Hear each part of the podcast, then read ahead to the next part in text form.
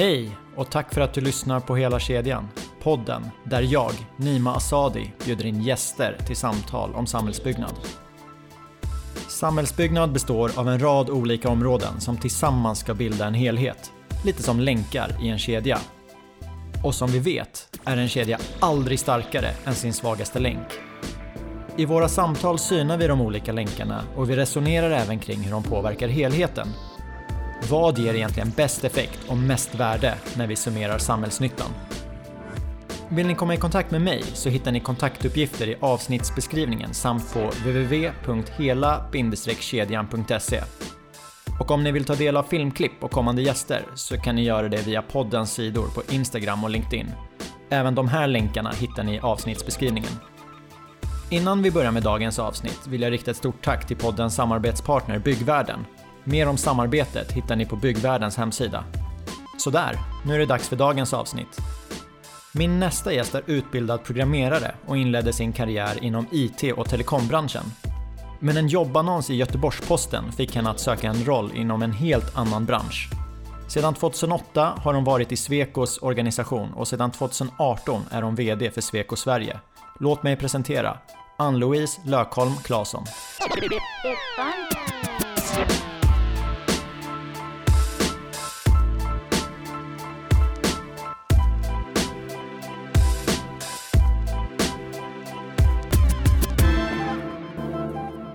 Då kör vi då. Varmt, varmt välkommen Ann-Louise.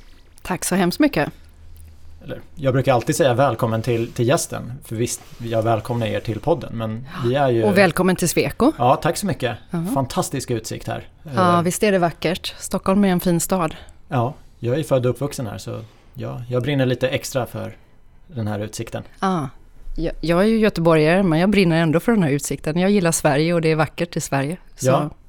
Och nu är du där möts vi. Precis, och nu är du med och förändrar Sverige. Precis. Eh, Men det hela började ju, du har ju gått från programmering till samhällsbyggnad. Så, så hur började din, eh, din resa fram till Sweco? Hmm. Ja, och det är en spännande resa för min del. Ehm, precis som du säger så började jag som programmerare. Jag är ju 70-talist, så när jag växte upp så började det här med datorer komma och jag insåg att det måste jag ju lära mig att förstå. Så det var hela syftet till att jag valde att plugga till programmerare. Och så började jag min första del i arbetslivet inom IT och telekom ungefär, vad blev det, 11 år. Ehm, började på Ericsson som programmerare men insåg ganska fort att det faktiskt inte var min grej. Men en väldigt bra ingång in i arbetslivet. Jag saknade kundnärhet, det var liksom för långa loopar från det kunden ställde krav tills jag kom in i bilden. Mm. Så jag bytte över till ett dotterbolag som hette EOPT. Där var det kundnära, jag jobbade med tjänster, jag fick ut och resa i världen och det var magiskt och fantastiskt på många sätt. Jätterolig tid i livet. Att, att välja IT, var, var det en självklarhet? Eller stod det mellan någonting annat på, på den tiden? Nej, det var verkligen ingen självklarhet. Tack och lov så eh, har jag två bröder som är äldre som eh, sa till mig, ja, från början då när jag skulle välja gymnasiet. Eh, du bör välja teknik eller natur. Mm. Och sen hade jag en klok mattelärare som såg mig och sa att ja, men matte, du är bra på det och NO-ämnena, du bör välja teknik. Så det var faktiskt de tre som styrde in mig. Det var ingen självklarhet och jag brukar prata ganska mycket om att jag hade en avsaknad av förebilder i min närhet och det gäller även kring ledarrollen. Mm. Så det var ingen självklarhet men jag är så himla glad för det valet som jag gjorde. Inom bygg och anläggning så pratas det ju mycket om att ja, men det är betydligt fler män än, än kvinnor i branschen. I, IT, min bild när jag pluggade var ju också att det var väldigt många killar. Mm. Hur var det när du pluggade? Mm. Jag började redan på gymnasiet. Tredje året var jag ensam tjej i en klass bara med killar då. Um, och när jag bytte över efter programmeringen in till OPT då var jag den enda tjejen. Jag tror att det var 42 på avdelningen. Och så var det jag och så var det en sekreterare. Ja. Så det är väldigt, väldigt mansdominerat. Men jag är också uppvuxen då med två äldre bröder så det är ingenting som jag egentligen har lidit utav eller tyckt varit konstigt utan kanske lärt mig då i yngre år att vara lite kaxig och ta för mig och ja, synas och bara ta plats. Liksom. Ja, och det har så ju... jag, jag trivts ganska bra i det. Ja, och det har ju tagit med dig på en fantastisk resa. Du har ju haft en, en rad olika roller. Mm, För precis. Du, du började inom IT. jag började inom IT och det var där också som jag fick min första chefsjobb. Mm. Så 97 då, strax innan IT-bubblan sprack, eh, så fick jag chefsjobb. Och det var också lite intressant för jag, jag var ju inriktad på att jag skulle bli chef och få ett ansvar. Man hade inga reflektioner eller tankar på ledarskap. Nej. Men idag så säger jag ju att jag är ju en ledare, det är det som är min profession. Eh, så det har ju tagit mig en hel del reflektion innan jag har landat ner i, i mitt ledarskap och vem jag är och hur, hur jag ska fungera för att prestera bra då. Så tidigt, vid 27-28 års ålder där, så började jag som, eh, som chef och ledare. Vad, vad var det som gjorde att du ville bli chef? Det var egentligen ingenting som gjorde att jag ville bli chef. Det var en kollega som sa till mig, eh, min chef eh, ska sluta och jag tycker att du borde bli chef. Ja. Och sen så träffade jag den personen då som skulle bli min chef och Eh, pratade med honom om vad jag hade gjort och hade med mig bagaget. Och jag kommer ihåg att han sa, det är helt perfekt det här. Det blir bra. Ja. Och själv så hade jag eh, mycket funderingar och tankar på, ska jag verkligen leda andra människor? Är jag redo för det? Och, men samtidigt så, jag drivs utav att utmana mig själv, jag drivs utav utveckling och jag, eh, jag jobbar med att, eh, att inte låta mina rädslor hindra mig. Eh, så jag tänker att jag tackar ja. Och det gjorde jag ju. Ja, du, du nämner att han nämnde att men det, du har ju rätt förutsättningar för det här. V, mm. Vad tror du av det du hade med dig? För så många år i branschen hade du ju inte när du var 27. Nej, men jag hade hunnit göra jättemycket på kort tid. Eh, ett år som programmerare, var ute och reste runt eh, i världen som expert. Jag hann med att jobba som teknisk säljstöd. Jag hann dessutom med att vara produktledare. Mm. Och sen tillbaka till OPT då, mm. eh, som chefsposition. Så jag, om jag inte minns fel så blev jag tillfrågad då när jag var 27 men var 28 när jag tillträdde. Mm. Och hur länge, hur länge var du kvar i den rollen? Um, ja, nu var det ju sådär då att IT-bubblan sprack, jag var mammaledig och så vidare. Så första mammaledigheten, då kom jag tillbaka uh, och då hade den organisationen gått in i Ericsson. Mm.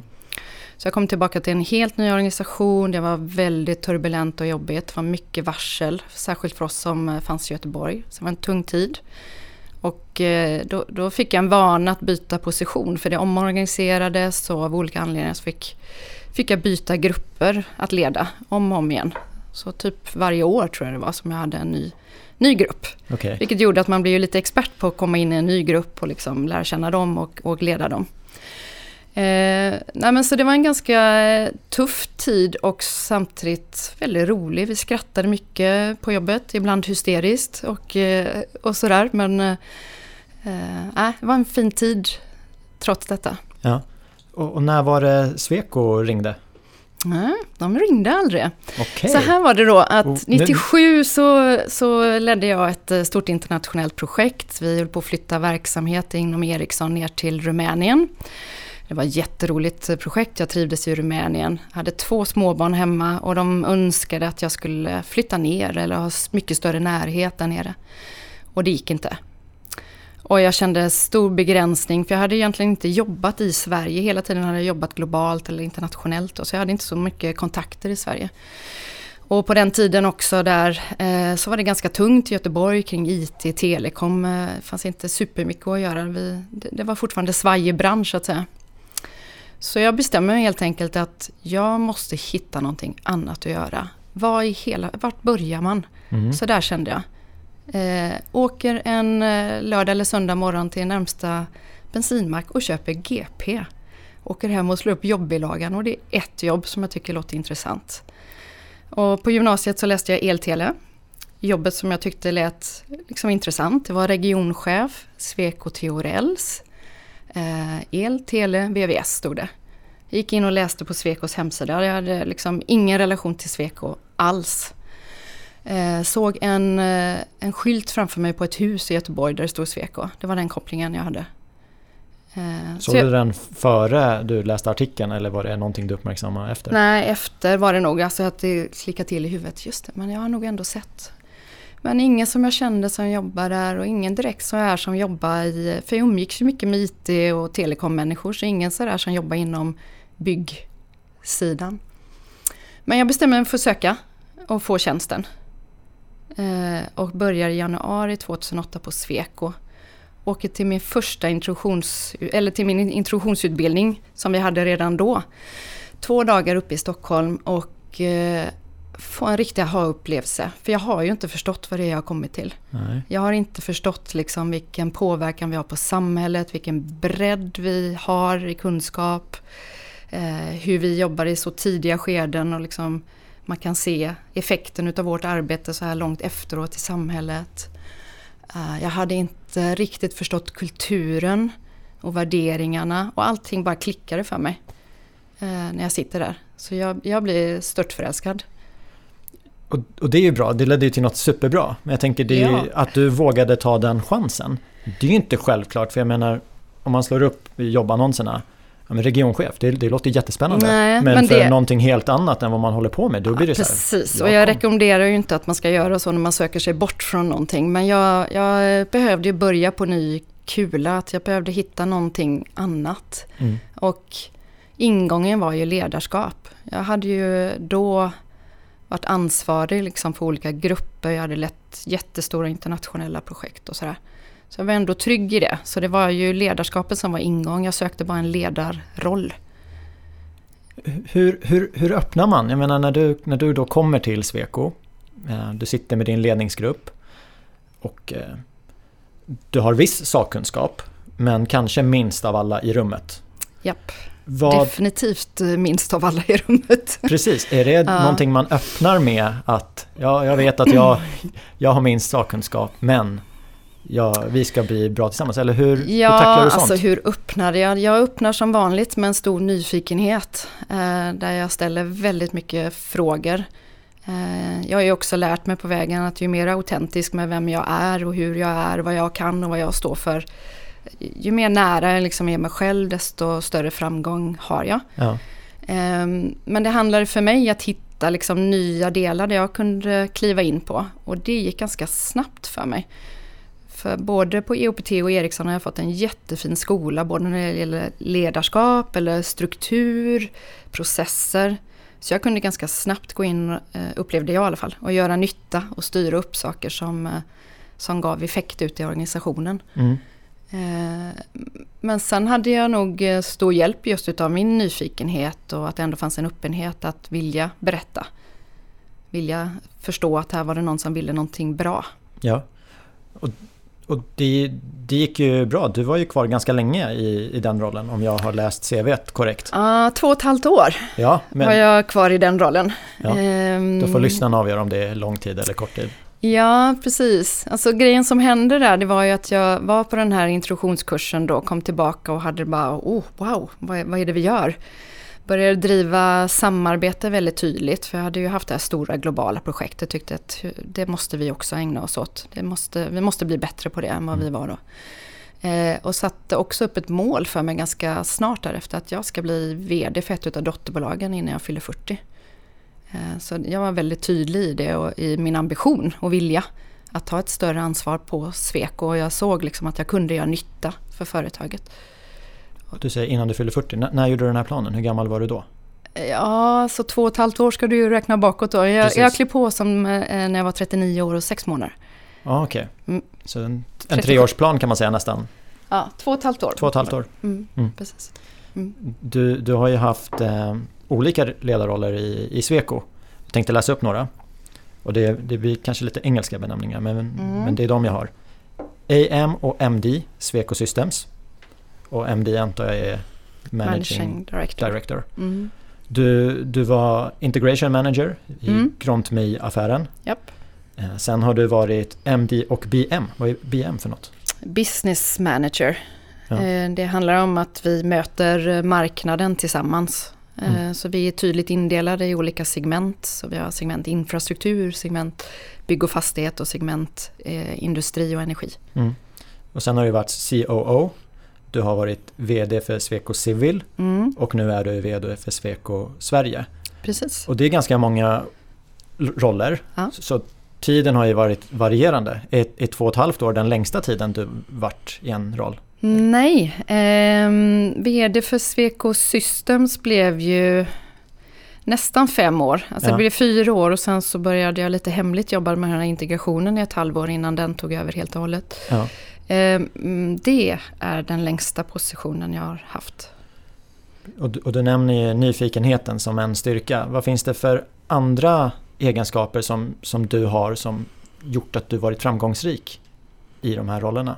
Um, absolut skulle jag säga att min drivkraft kring utveckling, utveckling utav mig själv, utveckling utav verksamheter och, och utveckling utav individer. Mm. Um, sen tycker jag det är värt att lyfta det allra första, alltså när jag klev på där som chef så blev jag skickad på en, en eh, utbildning för att lära känna mig själv och förstå eh, drivkrafter och så och vad ledarskap är. Och som sagt var jag jag hade liksom ingen sådär som jag hade sneglat på som jag kunde förhålla mig till att så borde jag egentligen agera och vara riktigt. Så för mig var den utbildningen extremt viktig och det jag tog med mig hem det var varje individ har behov av att se, eh, bli sedd, bli hörd och bli bekräftad. Mm. Så se, höra, bekräfta blev liksom grunden i mitt ledarskap och det jobbar jag aktivt med än idag. När jag håller ledarskapsutbildningar eller ute och pratar så tar jag med mig det som en, det är där jag alltid inleder och pratar eh, om är viktigt. Och det var det här som klickade när jag kom till Sweco. Att här jobbar vi liksom utifrån individens kompetens. Varje person är viktig. Så jag helt enkelt var duktig liksom på att bygga på mitt ledarskap med den i, i botten och så nyfikenheten och drivkraften kring utveckling. Och, och sen skulle jag absolut säga målinriktningen är viktig.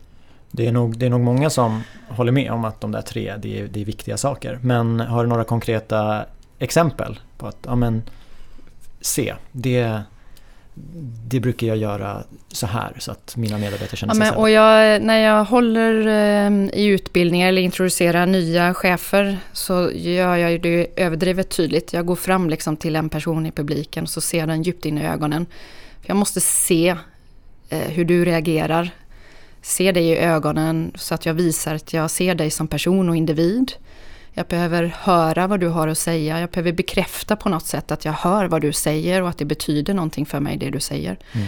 Det i sin tur innebär att du måste ha en väldig närvaro i mötena med dina människor omkring dig.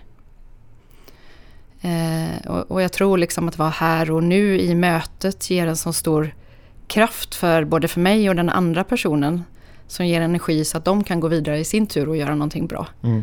Eh, men jag gör det verkligen så överdrivet tydligt att jag ser, precis som jag tittar dig in i ögonen nu, säger att jag ser dig. Ja. Eh, och jag hör vad du säger och det betyder någonting för mig.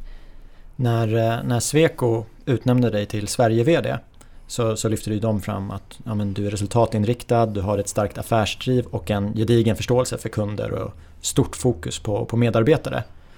Hur skulle du säga att de här olika ledarrollerna som du haft på Sweco.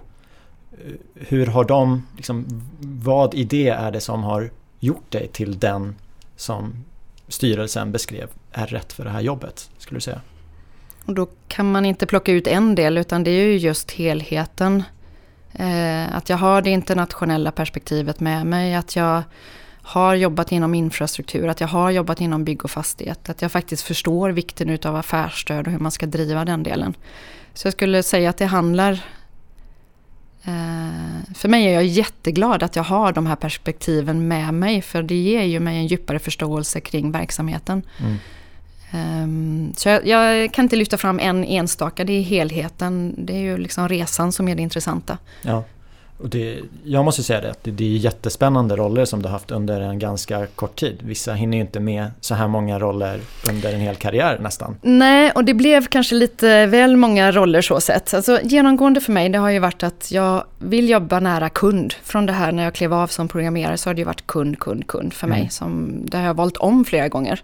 Inklusive när jag klev av som produktledare så valde jag ju igen att gå nära kund. Eh, services har varit, alltså att vara, jobba med tjänster tycker jag är väldigt roligt och så ledarskap. Så de har liksom varit så här, nycklar för mig. Mm. Det innebär också, alltså jag är ju jätteglad för mina tre månader som CEO men det blev alldeles för kort. Och det var ju för att det uppstod en position som var kundnära. Mm. Och, och jag vill ju jobba kundnära så därför valde jag ju om det då. Och sen kunde man ju inte veta att det skulle bara bli tio månader då innan det blev en förändring. Men samtidigt är jag ju superglad för de tio månaderna. Ja, och eh, det, jag kan tänka mig att det är väldigt utvecklande att, att se många olika delar, precis som du nämner. Och man lär sig om sig själv, man jobbar med nya människor. Sweco har ju en, en rad människor som är ledare i det dagliga. Och om man tar en, en gruppchef, så en gruppchef ska ju ha en viss sakkunskap. Eh, man ska kunna leda människor och sen ska det ju faktiskt kunna sälja in Sweco. Mm. För, något förenklat så är det tre mm. ben. Ja.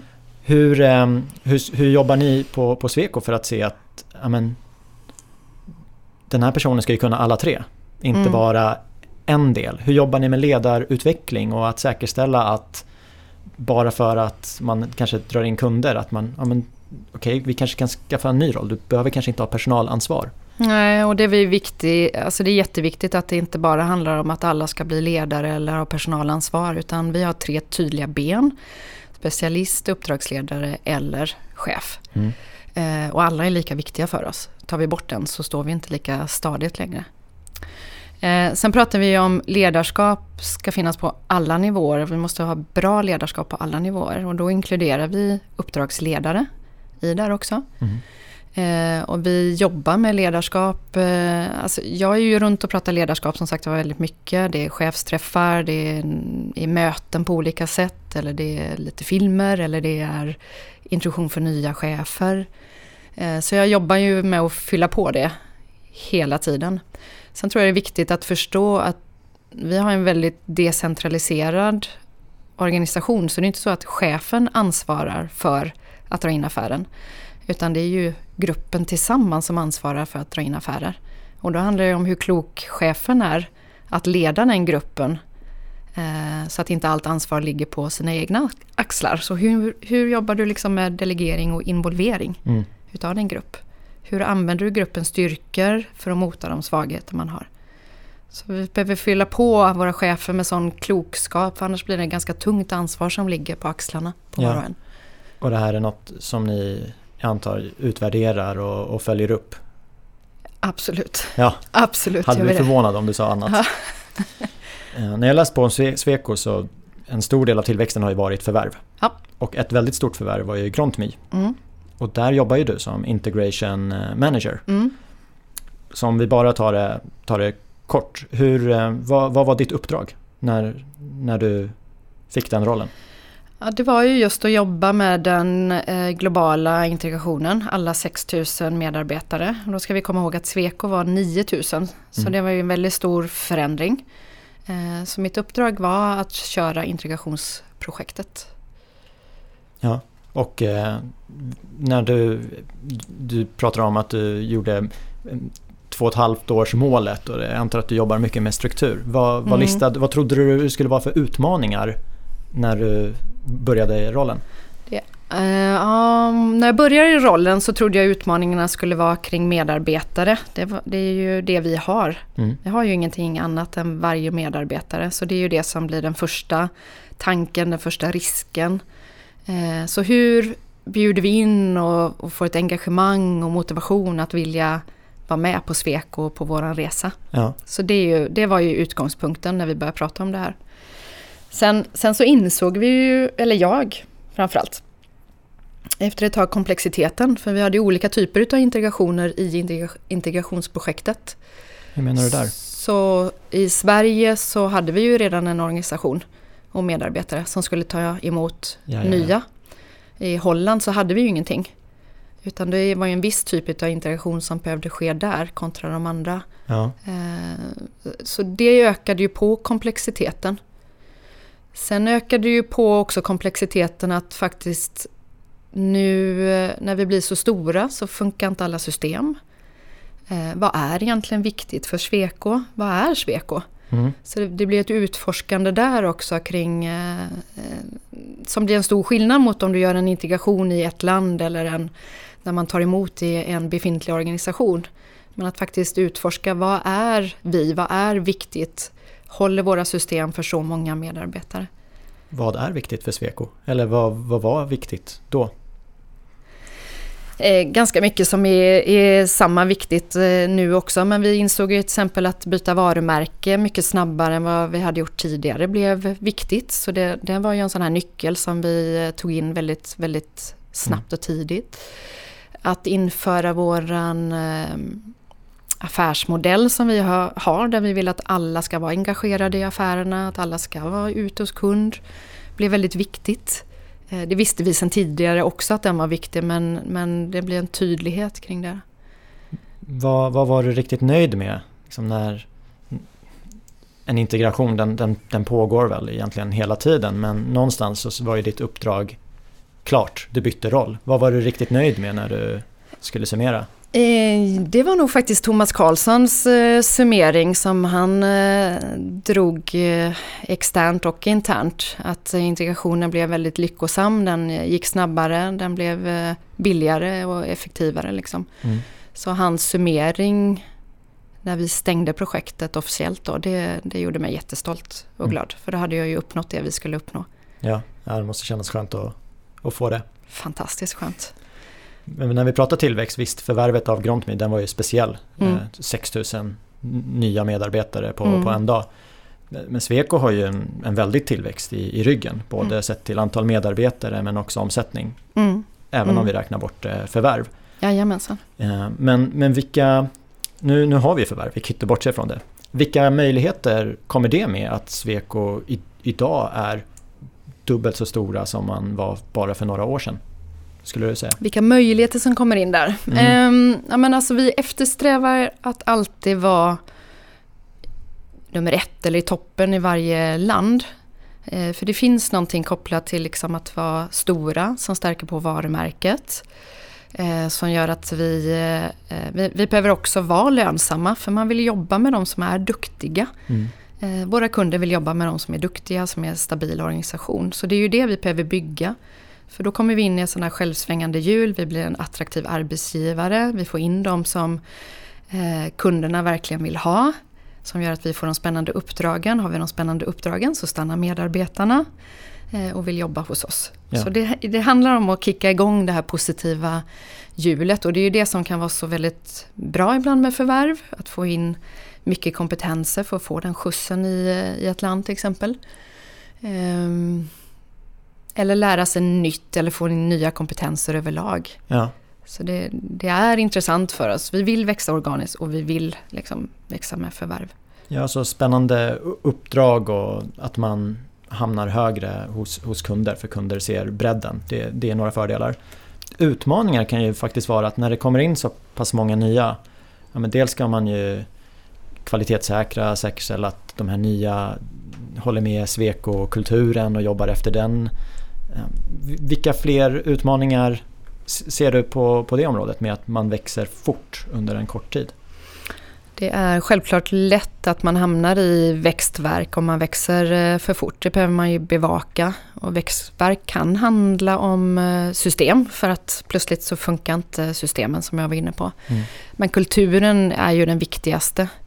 Eh, den får inte urholkas eller den får inte försvinna. Så den ligger vi och bevakar egentligen hela tiden och har med i affärsplaner och, och bygger på så att säga och påminner om. Ehm, det är lätt när det går fort att man glömmer den. Eh, och A och O tycker jag det är att ha en god kultur, att ha ett bra ledarskap som stödjer kulturen. Ehm, för har vi inte det så kommer våra medarbetare välja bort oss. Mm. Det är ju det som gör att man vill vara hos oss. Ja. Fina värderingar, en god kultur, ett bra ledarskap. Så då, vi har fördelar, vi har utmaningar. Jag, I min research har jag hittat eh, att eh, när du var VD för Svekos installationskonsulter då växte ju den delen med mellan 10 och 15 procent per år. Mm. Eh, så här i, i efterhand, är, är, det, är det rimligt? Är det, klarar ni mer? Var det lite för mycket? Nej, det är skulle jag säga någonting snarare som vi har blivit van vid. Mm. Att vi ska växa så mycket. Jag tror inte vi riktigt hade varit vana vid det innan. Och det är därför jag lyfter det kanske. Men det finns en större vana eh, nu i organisationen kring en hög tillväxttakt skulle jag säga. Eh, vi tog ju in 1200 bara förra året i svenska organisationen. 1200. nyanställda. Av totalt hur många är ni i Sverige? 6 000 nu. Ja, wow. Ja. Så fortsatt tillväxt under Fortsatt Ann-Louise ledning. tillväxt är viktigt. Ja, nej, men det är superviktigt för oss. Det, det finns ju liksom eh, någonting där, både att fylla på med nya kompetenser, nya möjligheter till nya tjänster eller få in nya kunder. Eller, så tillväxten är superviktig för oss.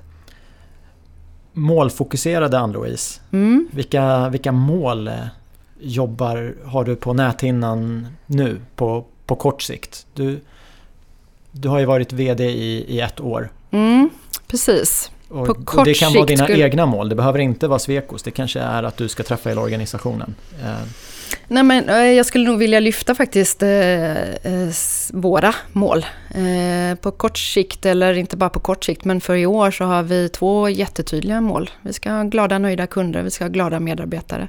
Så vi har lagt in ett, ett eh, nytt mätetal som vi kallar för Happy i organisationen som vi kommer mäta en gång i kvartalet. Så det är som en temperaturmätare. Hur mår vi? Hur har vi det? Och så svarar organisationen tillbaka så får vi gå in och skruva där det inte fungerar.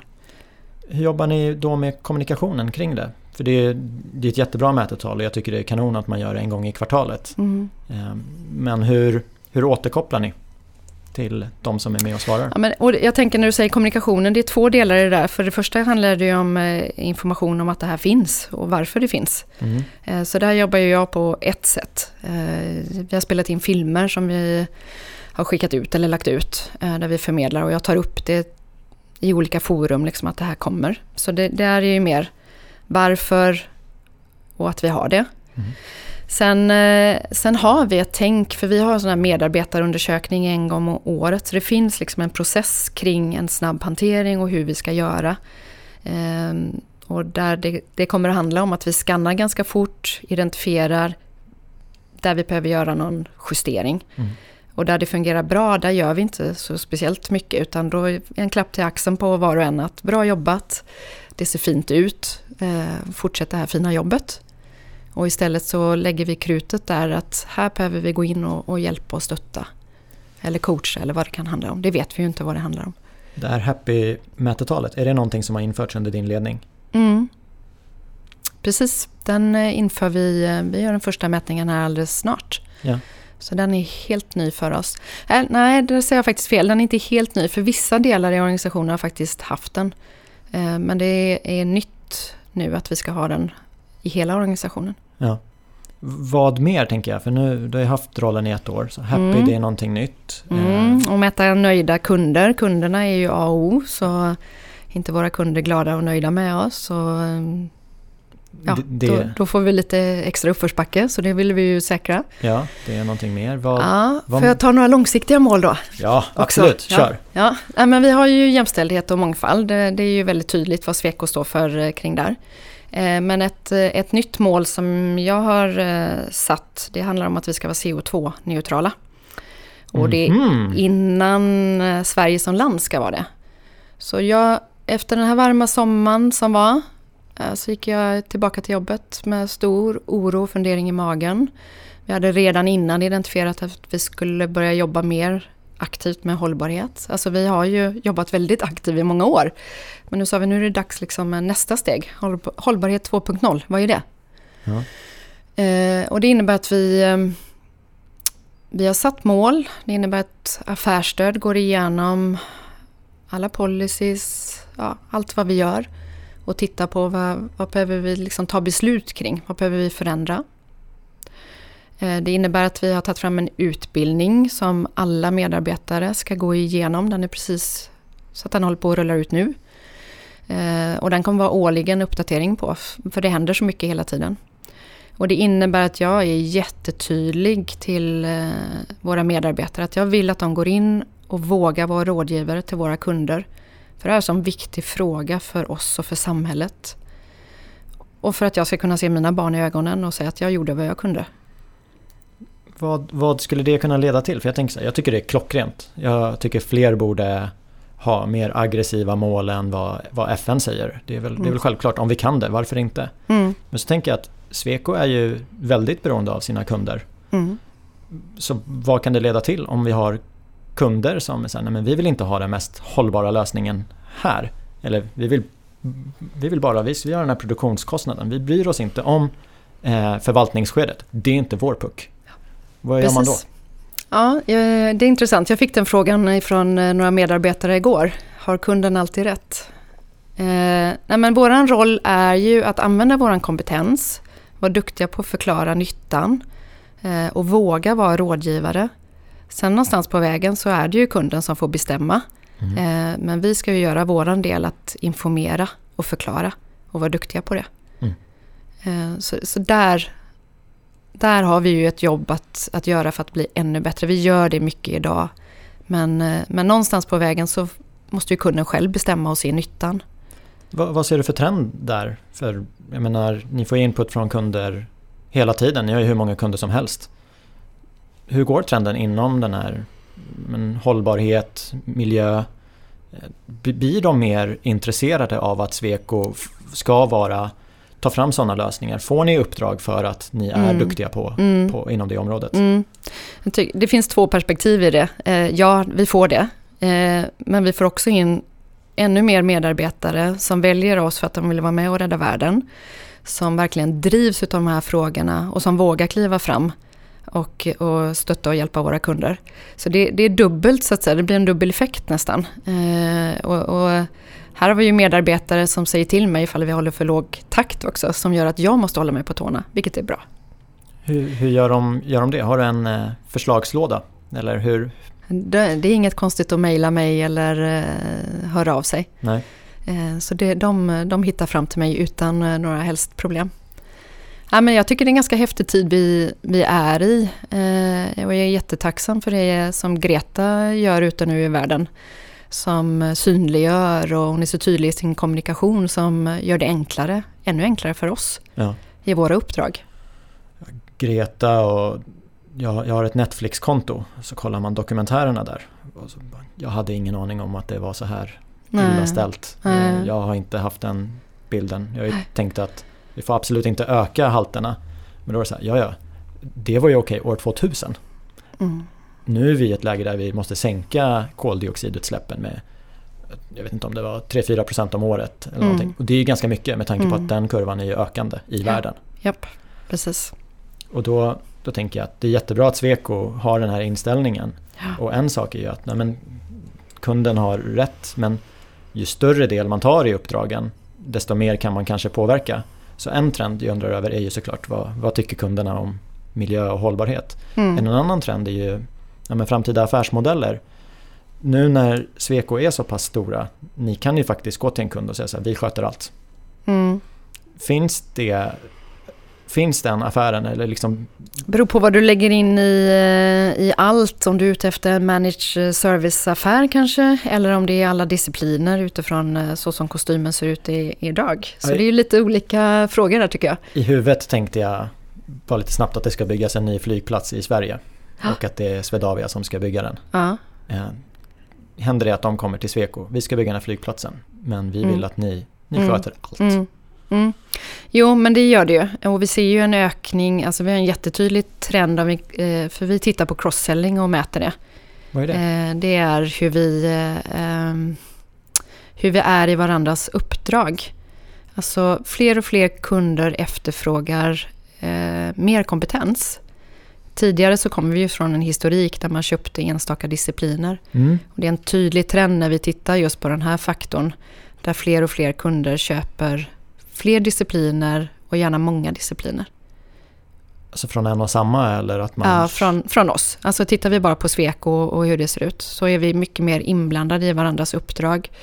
Alltså det här jag pratade om när jag började 2008 eh, och jag sa att samarbete blir ju någonting som jag brinner för väldigt mycket mm. och har jobbat med ihärdigt sedan dess. Eh, då skedde inte det speciellt ofta.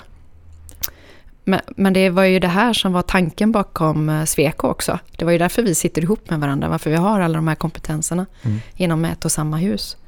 Min bild är att det, där, det är lite vanligare i anläggningsbranschen att man köper flera där är från den, samma. Eh, den är absolut supertydlig inom eh, anläggning. Ja. Helt rätt. För bostadsproduktion eller bostadsutveckling som jag kommer ifrån, då var det ju nej, vi ska inte köpa allt från samma vi ska välja speciella personer, vi sköter ledningen Mm. själva. Mm. Sen nu är jag i ett anläggningsprojekt och då är det, ja men det är väl klart att samma konsulthus ska göra allting. Det är väl Mm. bäst, de sitter ju Mm. i samma hus. Mm, det blir ju mycket enklare för beställaren, Ja. såklart.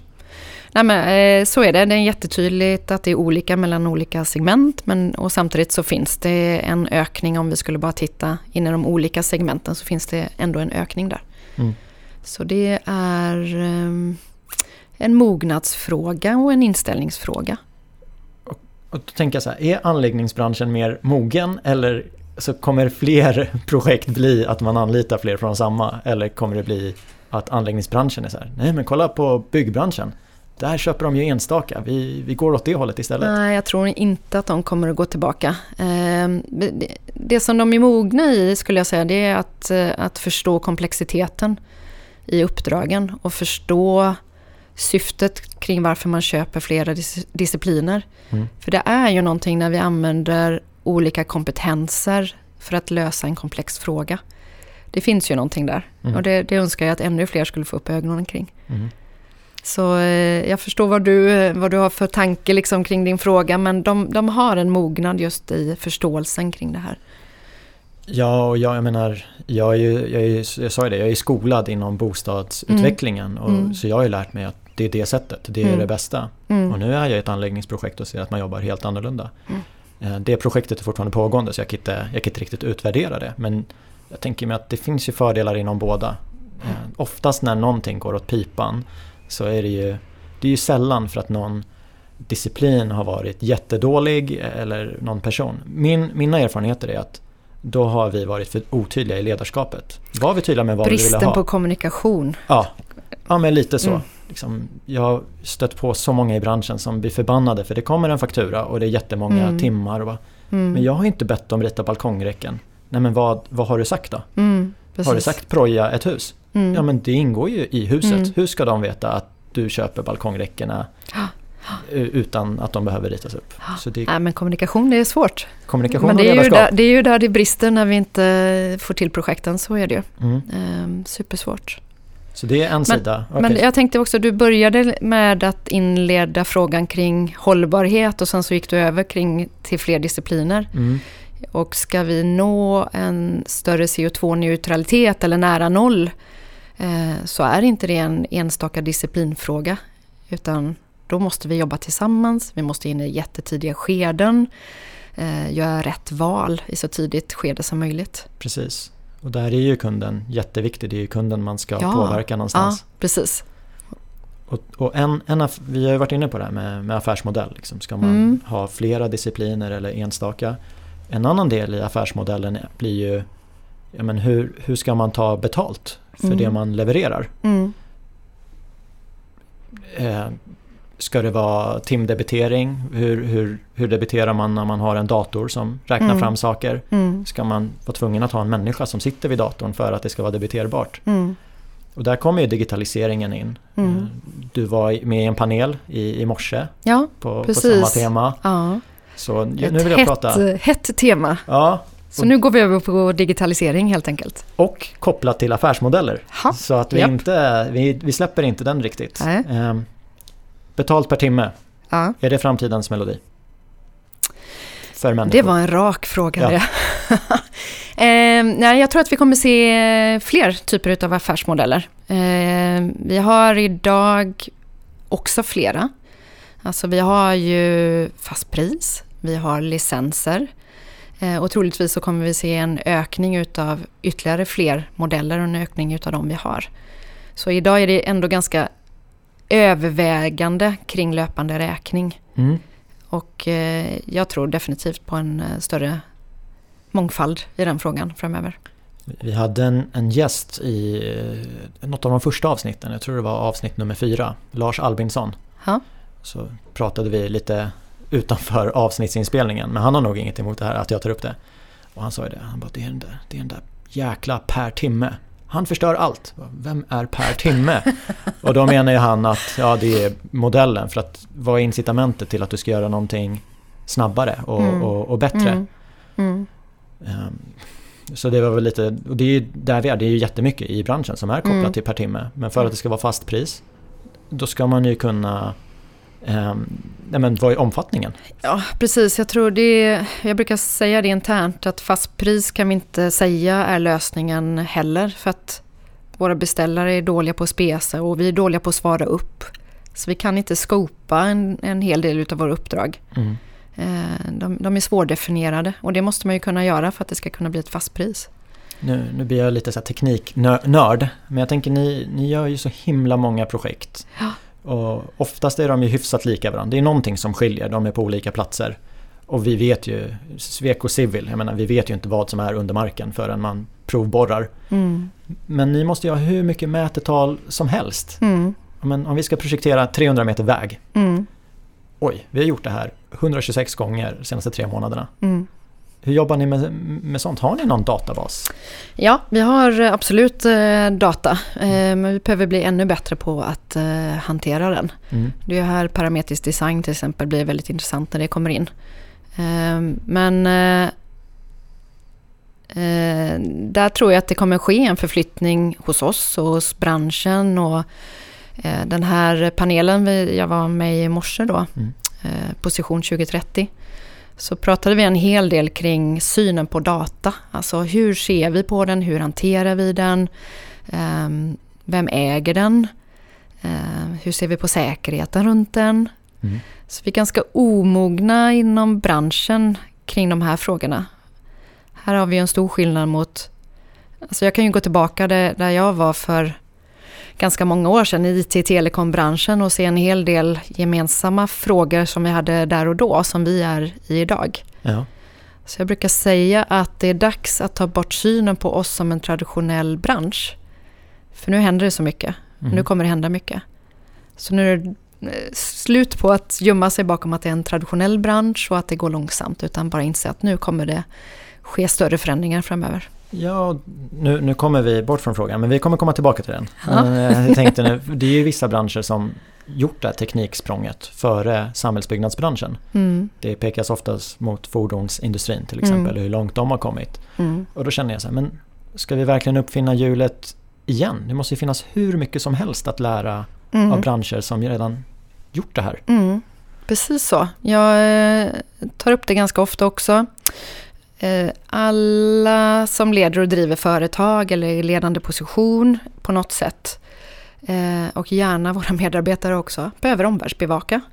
Och traditionellt sett så brukar man ju omvärldsbevaka utifrån att det är den här branschen jag jobbar och då tittar jag på kollegor i branschen i Sverige eller i ett annat land. Mm. Och jag tror inte att det är så enkelt framöver. Nej. Utan eh, vi måste snegla på andra branscher för att se vilken resa går de igenom och översätta det in i våran bransch och fundera på vad innebär det för mig? Eh, och där krävs ju kunskap, det krävs insikter och kanske framförallt tid för reflektion. Och den kanske är den sista som är den svåraste, för alla driver ju på ett väldigt högt tempo, det är mycket att göra. Så hur skaffar man sig tid för reflektion? Ja, jag tycker det är jättespännande. Om vi, kan, vi kan kalla det för tid, tid för reflektion eller Ständigt liksom lärande eller analys eller liksom. Ja. Mm. Och då tänker jag, ja men Sweco kan ju ha en omvärldsbevakning både Mm. inom branschen men också Mm. vad händer inom andra branscher. Skanska kan göra samma sak. Mm. NCC samma sak. Peab samma sak. Eh, Och så kan vi nämna OFR också. Mm. Och då känner jag så här, okej men det är det det vi ska göra annorlunda? Det hade ju varit mycket bättre om bevakningen, den var samma. Den gjorde man gemensamt. Sen vad man lär av den, det kan ju vara lite företagsunikt. Det känns ju som att man hade kunnat täcka en större del av världen om de här sex resurserna jobbade tillsammans. Mm. Men eh, det handlar ju om att man själv ska få insikt och när jag säger omvärldsbevakning, för mig handlar det inte om att vi behöver åka över till, till Kina och ta reda på vad de gör där. Öppna upp eh, LinkedIn, öppna Mm. upp Yo- YouTube och, och titta igenom lite TED-talks. Så kommer du superlångt. Mm. Eh, Så det handlar inte om att åka iväg och ta massa tid, utan för mig handlar det om lite nudging, att hela tiden hålla på att utbilda sig själv och vara nyfiken på andra branscher. Eh, Så jag tror inte att det är någon stor lösning som, som någon centralt eh, i, för oss gemensamt ska, ska lösa. Däremot så blir det väl så här om vi tittar på installationsföretagen då, Ja. alltså gamla STD. Att okej, vi hamnar alla i insikt att, eh, att det är någonting med utbildningarna som vi måste eh, få till. Ja, men då kan vi ta stöd och hjälp av dem i, i att påverka eh, skolorna. Mm. Hur utformas våra utbildningar? Vad, hur bör det se ut i framtiden? Ja, och från, eh, från skolorna, vi har haft eh, KTH och Handels som, som gäst. Det, det händer ju mycket och den nya, med digitaliseringen så branschen förändras, nya roller. Så om vi, nu kommer vi tillbaka här till, till digitaliseringen. Mm. Eh, och vi vet att det, det kom, vi var inne på att det kan påverka affärsmodeller. Liksom, Mm. Hur tar man betalt för datorkraften som, Mm. som gör simuleringar? Ja.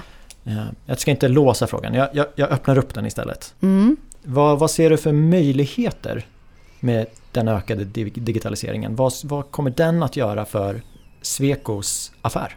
Hmm. Eh, troligtvis ganska mycket. Och tar vi möjligheter så handlar det om, tänker jag, att bli av med lite tråkiga arbetsuppgifter. Varför ska vi sitta och göra repetitivt arbete när vi är högutbildade ingenjörer och arkitekter? Låt oss lägga det på en maskin istället. Mm. Och så kan vi ägna oss åt analyser och, och komplexa problemställningar i dialog med kund, till exempel. Då. Mm. Eh, Så det, ja, det är väl jättemöjligheter i det. Eh, Men jag ser också att det uppstår en möjlighet till nya eh, tjänster eller nya affärer, nya kunder eh, som vi inte har idag. Mm. Så det, det kommer in i väldigt många aspekter. Vi kommer behöva nya kompetenser. Ehm, ja, Du nämnde, ja fortsätt. nej men det, jag tycker det är superspännande och eh, så himla tacksam för det där året som programmerare. Ja, vi, jag har inte varit programmerare men jag tycker också att det är superintressant och det finns ju sådana fantastiska möjligheter och ju större uppfattning jag får för hur stor den här branschen är Mm, Mm. då blir ju möjligheterna exponentiella. mm, precis. Jag, när jag tänker vart vi är om tio år, Mm, jag är ju superoptimistisk Mm. att vi, det kommer vara längre mellan 2020 och 2030 än kanske år. Alltså i utvecklingen I kommer vi ha utveckling. tagit större Ja. steg än vad vi eh, kan tro. Ja. Det upplever jag. Mm, Eh, För det kommer allt med datorkraft men också en medvetenhet. Det, det kommer människor som bara, nej men det går. Jag, jag har ju programmerat själv på mitt Mm. sovrum. mm, precis, Så det kommer det blir enklare. Ja. Ja. Mm, Okej, så du nämnde några fördelar. Och Mm. eh, Sweco har ju, jag läste, Sweco vill leva upp till förstahandsvalet för kunder och medarbetare. mm, Medarbetare var vi inne på lite Mm. med de spännande projekten. Men hur blir man förstahandsvalet för en kund? Vad, vad är viktigt för dem? Ni, gör ju, ni kör ju den här happy på kunderna. Ja, eller precis. Vi har Happy internt och sen så eh, frågar vi våra kunder vad de tycker Mm. om oss också. Eh, men ehm, för mig handlar det om att på riktigt förstå kundens affär. Alltså vad är det våran kund vill? Vad är det de behöver? Vilka utmaningar har de? Vem är kundens kund? Eh, hur ska kunden som vi har framför oss glänsa för sin kund eller glänsa för sin eh, i sin organisation. Och vad är det då vi behöver göra? Och hur, hur följer ni upp det? Är, är de med i de här undersökningarna ni gör? Mm. Så här, för, hur väl förstår Sweco vår affär? Nej, den är inte med på det, inte på det viset utan eh, vi frågar våra kunder om de kan rekommendera oss. Eh, och så mäter vi eh, hur hög graden utav rekommendation är från våra kunder. Mm. Så kan du prata med någon annan om att de här gjorde ett bra jobb. Då har vi ju gjort ett jättefint jobb. Ja, det, det Såklart. slipper man Så- tro. Då, då vet man. Ja, och, då, och så som också svar på din fråga, då handlar det ju om att um, faktiskt ta hand om den feedbacken vi får från våra kunder. Alltså på riktigt ta tillvara på den, syna den, lära sig eh, kring den, sprida information eh, och skri- sprida lärdomar i att om vi beter oss och gör på det här viset så tycker våra kunder det blir ännu bättre. Sprida, sprida lärdom och feedback nu. Det här är ett jättekonstigt hopp. Men eh, jag vet inte om man ska kalla det för feedback. Men metoo-rörelsen, Ja, den kom ju upp hösten 2017. Och liksom slog igenom och det var ju ingen bransch som, som klarade sig. Eh, samhällsbyggnad var ju definitivt indraget. Jag tror Mm. vi hade en egen, egen hashtag. Mm. På många ställen är det ju lite av en manlig kultur. Mm. Och jag tror att fler har blivit medvetna om hur pass stor den är eller hur stor Mm. påverkan den har. Mm. Hur, hur, hur jobbar du med att ni ska ta bort den eller liksom bort med den från Sweco? Ja, alltså vi, för det första så använder vi ju också metoo-rörelsen för att gå ut och vara väldigt tydliga med var vi står någonstans. Och vi har nolltolerans. Mm. Hos oss respekterar vi varandra. Och, eh, och är det så, alltså det finns en fördel med att metoo kom. För det öppnade ju upp dialogen som sagt var. Och det gjorde att vi, eh, vi, vi vågar prata mer i organisationen om det. Så vi rullade ut eh, workshop till alla våra chefer Mm. som de höll för sina medarbetare. Vi har skrivit små kort som ligger lite här och där. Med, det är upp till betraktaren liksom i, i hur man blir be, eh, vill bli bemött. Mm. Eh, vi har haft dilemmadiskussioner. Så det, jag skulle säga att den gav väldigt mycket. Sen handlar det ju om att ha, hålla fast vid det. Så på tal om kultur och vilken kultur vill vi ha, då säger vi så här att, eller jag pratar mycket om det, att du som chef är ju den starkaste kulturbäraren. Så det du accepterar, alltså det värsta beteendet som du som chef accepterar, det sätter sig ju som en kultur. Och då har ju du sagt att så där är det okej att göra. Mm. Och antingen så behöver ju du som chef då hantera frågan. Eller så behöver ju chefen ovanför fundera på, är det rätt chef jag har? Hur kan jag gå in och coacha den chefen till ett korrekt beteende? Ja precis och det, finns ju så många olika grader av metoo för det finns ju de här skräckhistorierna som man tänker hur, hur är det möjligt med Mm. allt det vi vet idag? Hur, hur kan det här hända? Det Ja. händer. Visst blir man ledsen. Men sen så väckte ju det en helt annan diskussion. Jag såg nu på internationella kvinnodagen Mm. när man rankar börs-VDs. Mm. Så ja, men jag tror det var 12% kvinnor. Mm. Det är en jätteframgång från 9. Mm. Ja fast Mm. really? 30 stycken har vi i Sverige. Ja.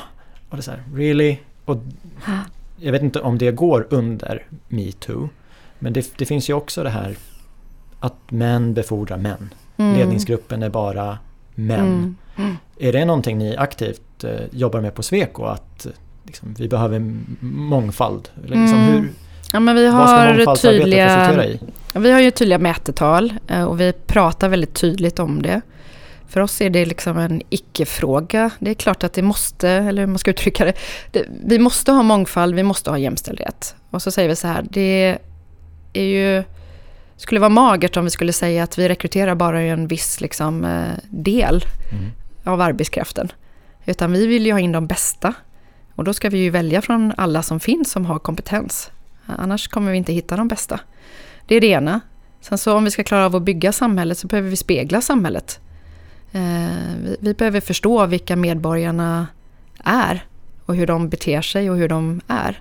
Och då, då, då måste vi ju klara av att spegla och därför behöver vi ta in eh, en spegling. Och sen så pratar vi också om att det blir det är ju roligare på jobbet om inte alla är exakt likadana. Ja, ja. Så lite mångfald i bakgrund, eh, i hur vi är, det mår alla gott utav. Och det är klart att det kan ju vara en utmaning som chef då att inte anställa en som är exakt som dig själv.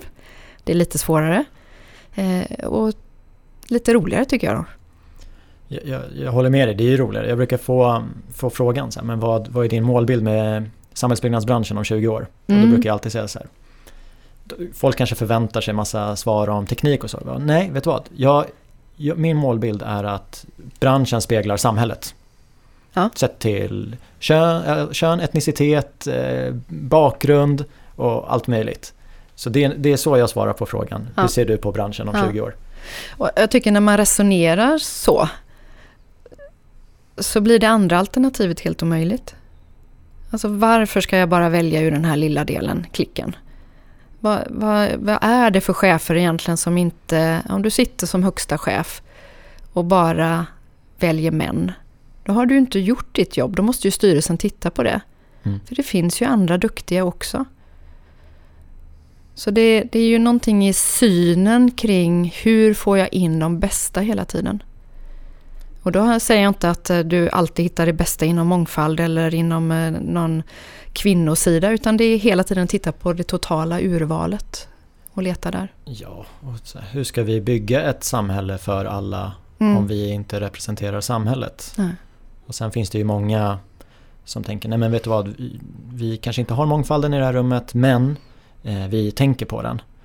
Och då brukar jag säga så här, vet du vad, jag har också varit den personen som tror det. Mm. Men sen har jag upplevt mångfald Mm. i ett rum Mm. och kommit på idéer som jag visste att det här hade jag aldrig kommit på själv. Mm. Det här hade jag aldrig kommit på med min innersta krets. Nej. Men det är inte alla vi har som... också sådana exempel och Ja. det är så häftigt. Då får man ju kvitto på att det är rätt. Så om vi ska bygga ett samhälle för alla, nu, blir det, nu får du ta fram visionären i det. Hur, Ja. Vad är det för samhälle om, om 30 år? Jag menar det vi projekterar nu, det, det ska ju byggas. Och det ska stå i 100 år. Mm. Men vi behöver inte kolla 100 år fram i tiden för det, det tror jag är vi lite överkurs. Men 30 år fram i tiden, vad, Mm. vad, vad ser vi för... Hur kommer samhället se ut då, tror du? Du kan välja vilken bana du vill inom. In, ja, precis. Och vi har gjort en studie på det här och vi landade i att det finns eh, lite olika alternativ. Eh, och jag tänker faktiskt inte välja något utav dem. Eh, men, men antingen så fortsätter urbaniseringen, väldigt tydlig sån. Mm. Eller så kommer eh, digitaliseringen hjälpa till så att folk gör ett annat val. Och i ett annat val så flyttar man ut på landet och kan faktiskt eh, kanske må lite bättre där. Eh, komma nära till naturen igen. Eh, och eh, att vi inte behöver bo så himla trångt. Mm. Ehm, så det är frågan om hur saker och ting, i vilken hastighet det kommer på de här 30 åren och vilka val människorna gör i det. Men det är ganska spännande tanke det här med hur digitaliseringen faktiskt påverkar i den aspekten. Att den kanske gör att urbaniseringen som pågår får en annan vändning. Eh, sen kan man ju verkligen hoppas på att vi lever i en hållbar eh, värld. Som vi inte har plast i våra hav och eh, eh, digitaliseringen har gjort att vi blivit av med en del tråkiga, tunga arbetsuppgiften som gör att vi mår bättre som människor. Ja, verkligen. Jag, jag och Gurra som sitter här i rummet, vi pratade om det på vägen hit att eh, det pratas mycket om flygindustrin med Ja. 3% av koldioxidutsläppet Mm. runt om i världen. Mm. Så sa, byggbranschen ligger över 20. Ja, alltså flyget får ju bära hundhuvudet eh, väldigt tungt eh, här nu med tanke på flygskammen eh, och så. Eh, Och det, vi får inte vara för ensidiga. Men det är klart för, för individen så hamnar det ju mycket där. Är man duktig på att sopsortera, man har bergvärme och man gör allt det där. eh, Så hamnar vi ju på någonting närliggande. Ja, Men om vi inte tittar på individen utan branschen som sådan, då är ju frågan mycket större som du är inne på. Då, vi behöver ju titta på liksom vad, vad sker i utsläppen eh, i alla aspekter. Ja. Vi kan inte begränsa oss och bara säga nej men det handlar om hur vi reser. Då har jag gjort mitt jobb. Nu är jag nöjd. T- tänk om alla företag i samhällsbyggnadsbranschen blev klimatpositiva. Ja. Kan vi ens tänka oss det? Om några år, kanske? Mm, på tal om hur ser det ut om 30 år. Ja, exakt. Mm. 30 år är ju väldigt långt fram i tiden, men, men tre år fram i tiden, då... I, jag hoppas att du har kvar din roll då. Mm. Då har du avslutat ditt fjärde år som VD. Ja. Vad, vad är Sweco mest stolta över i den årsredovisningen? Eh, det är exakt samma svar som om du skulle säga dagens eller morgondagens eh, årsredovisning. Det är de coola uppdragen. Alltså det är det det handlar om. Får vi vara med i de här uppdragen som verkligen betyder och, och kanske då än mer att vi har löst någonting eh, häftigt kring hållbarhet och eh, kommit ännu längre i de frågorna då. Men Mm. det handlar om våra coola uppdrag. Det är ju det som, är, som vi blir extra stolta över.